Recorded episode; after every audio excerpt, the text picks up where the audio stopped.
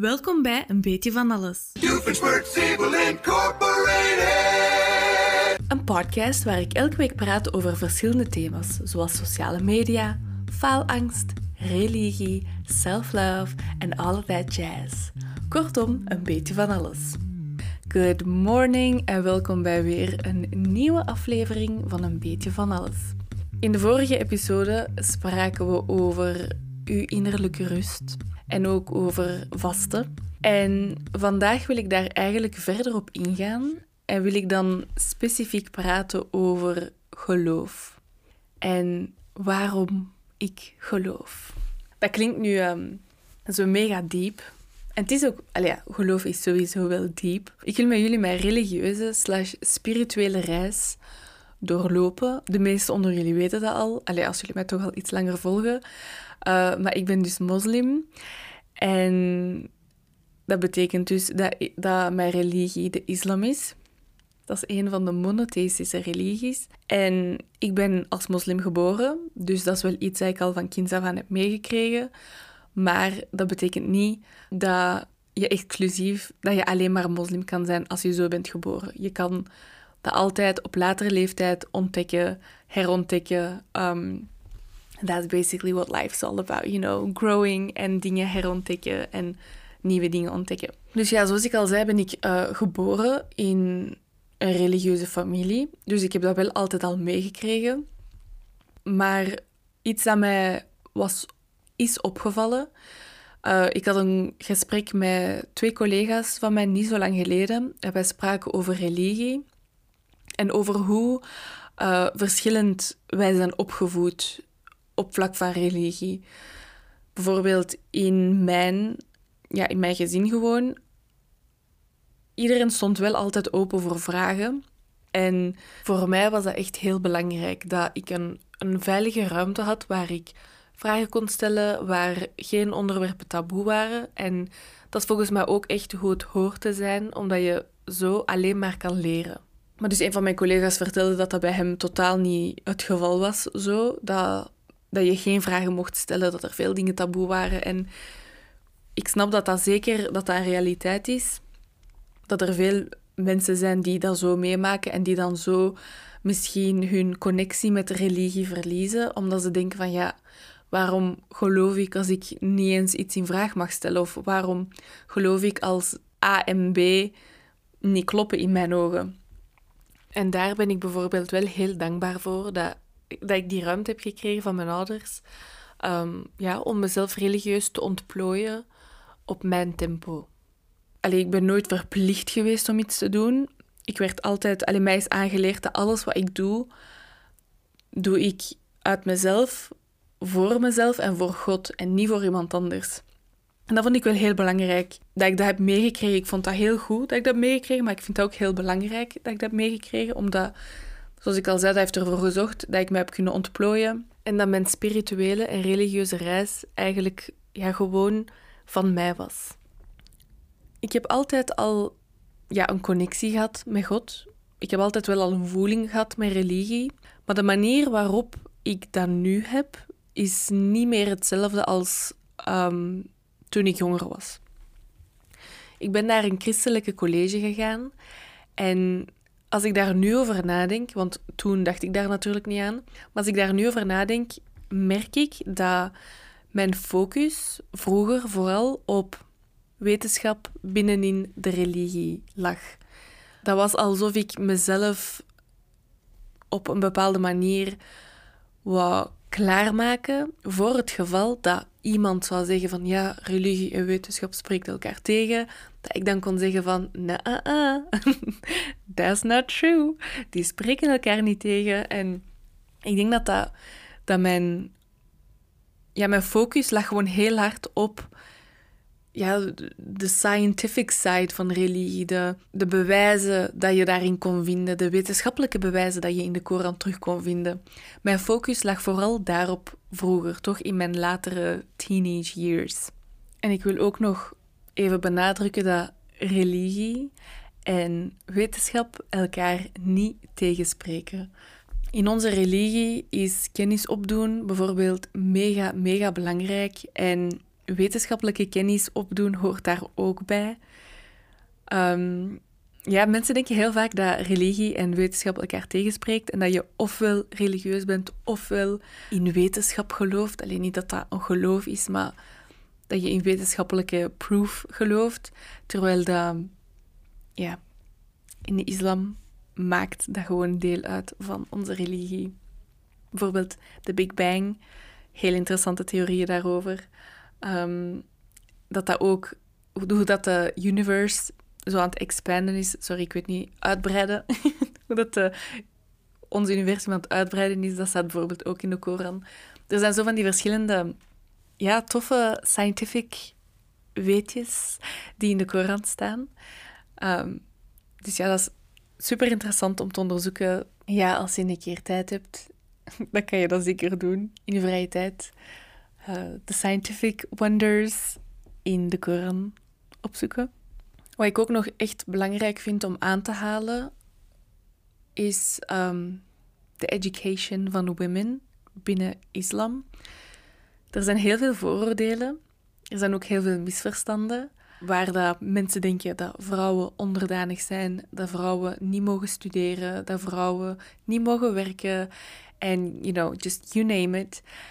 Ik wil gewoon zeggen dat de leiders, de landen die de opleiding van een vrouw wegnemen, die de kansen van vrouwen wegnemen, dat heeft niks te maken met religie.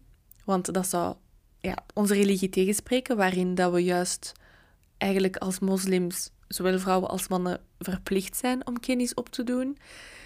Um, ja, dat heeft dus niks te maken met religie. Die ja, gebruiken, misbruiken religie om hun eigen ideologieën ja, naar buiten te brengen.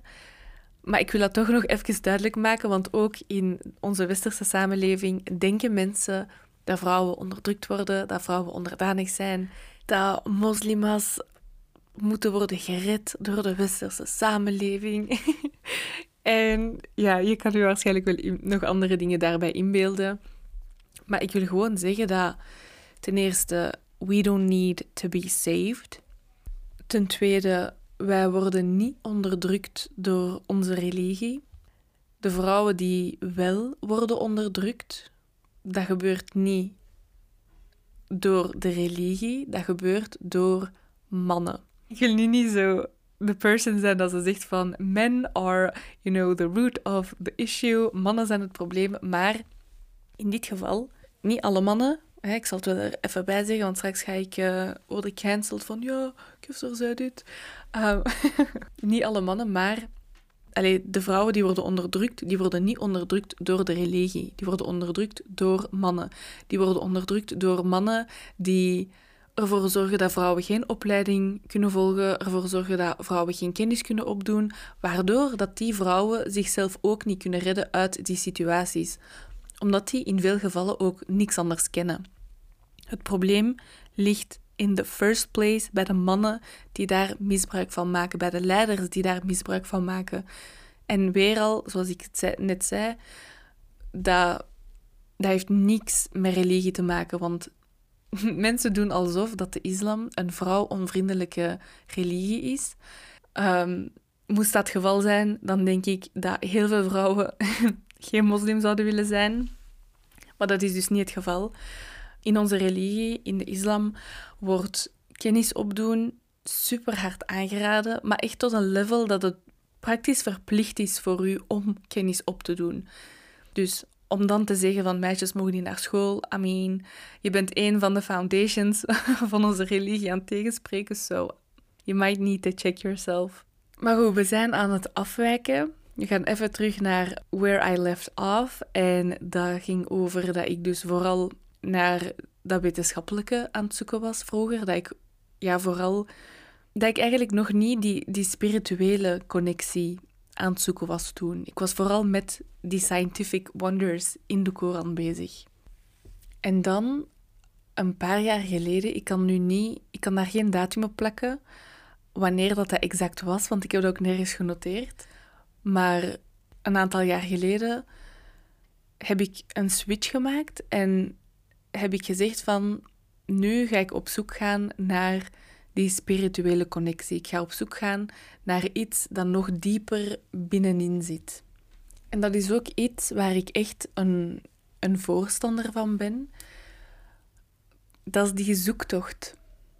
Ik vind dat, los van of dat je bent geboren in een religieuze familie of niet, ik vind dat iedereen die zoektocht moet doen, dat je zelf ontdekt waarom jij in iets gelooft. Als je bent geboren in een religieuze familie en je bent ook zelf gelovig, dan is dat natuurlijk een heel goede basis geweest. Dan heb je al heel veel kennis meegekregen. Maar jij moet nog altijd, jij moet nog altijd je eigen zoektocht maken. Jij moet nog altijd je eigen zoektocht doorstaan. Ik weet niet of dat correct Nederlands is. Ehm, maar jij bent, ja, jij bent eigenlijk verplicht om voor jezelf uit te maken waarom geloof jij?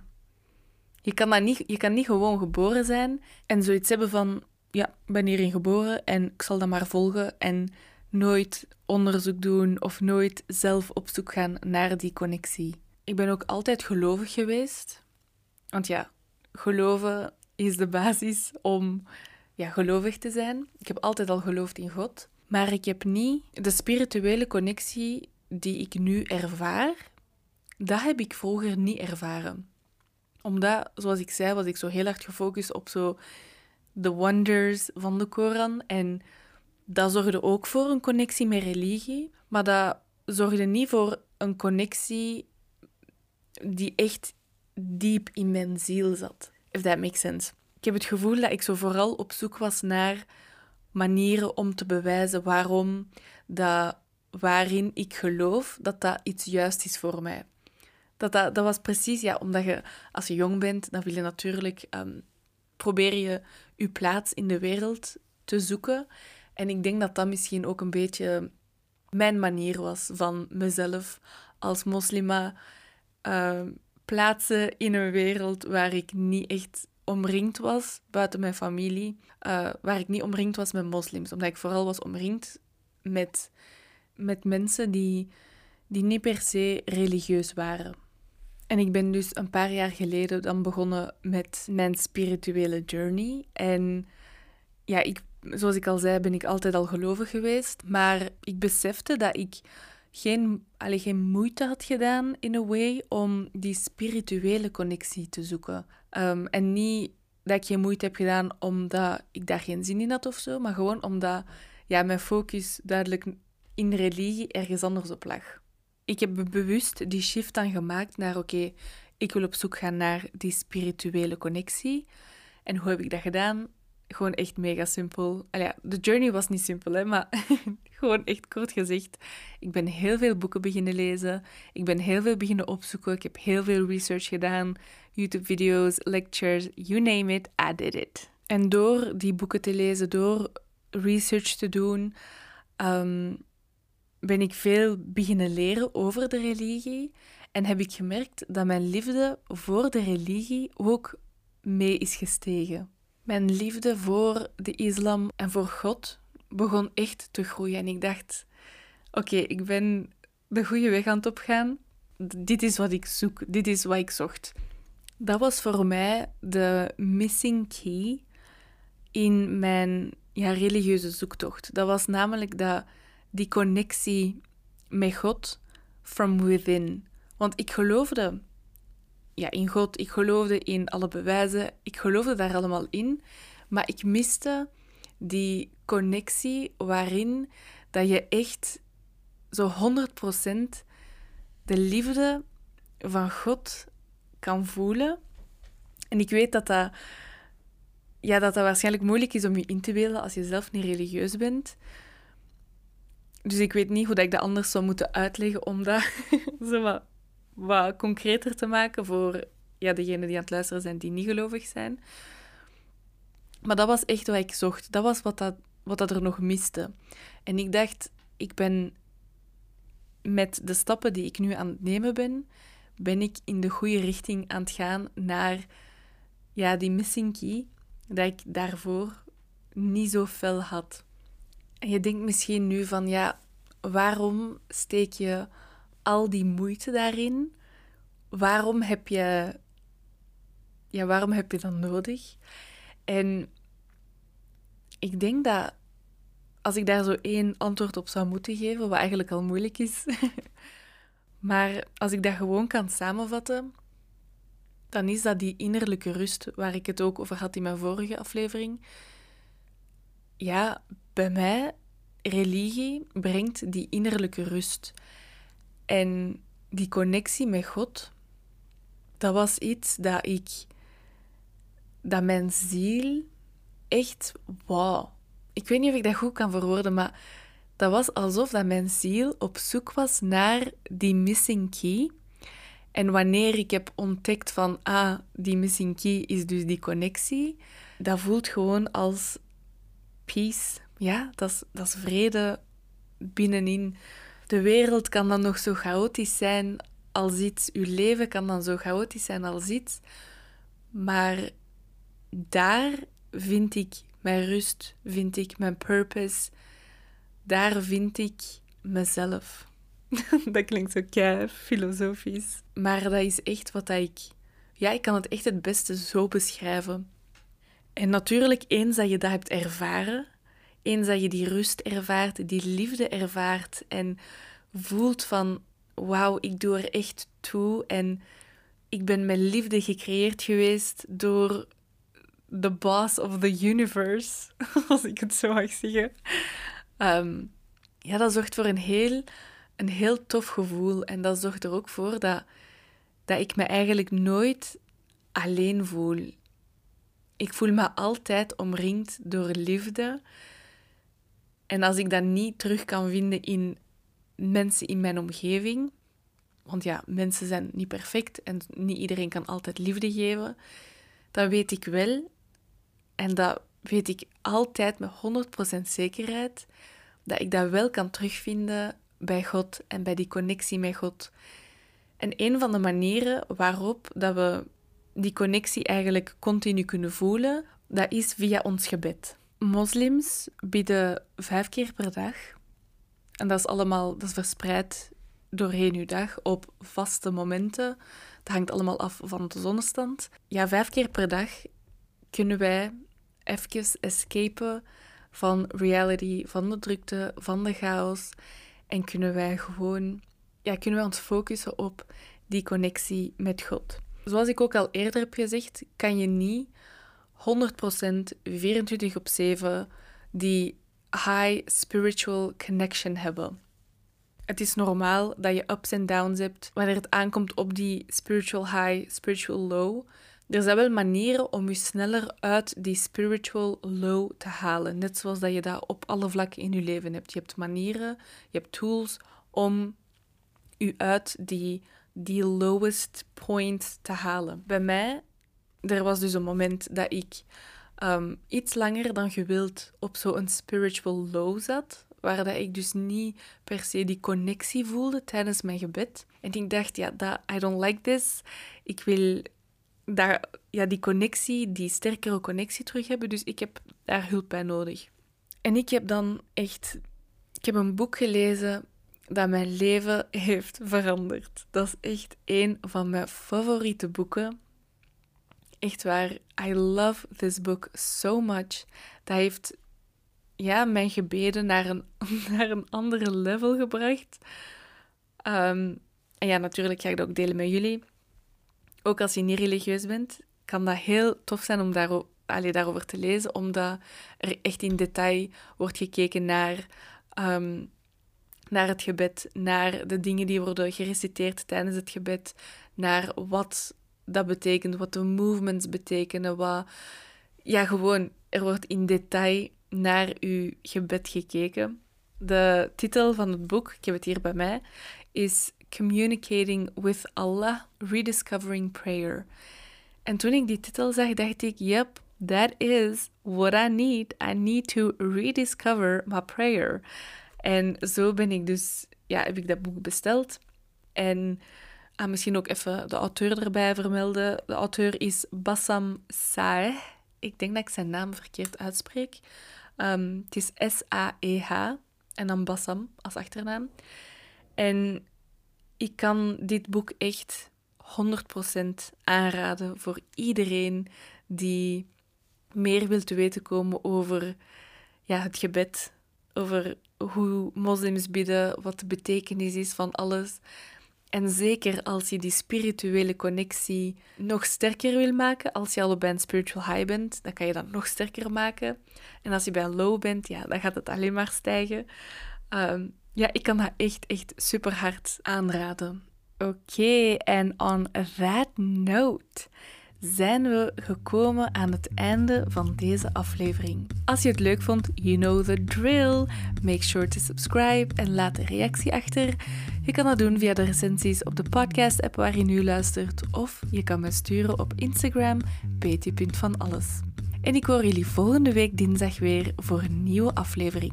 Vergeet het niet, elke dinsdag een nieuwe aflevering van Een Beetje van Alles. Doofenshmirtz Evil Incorporated.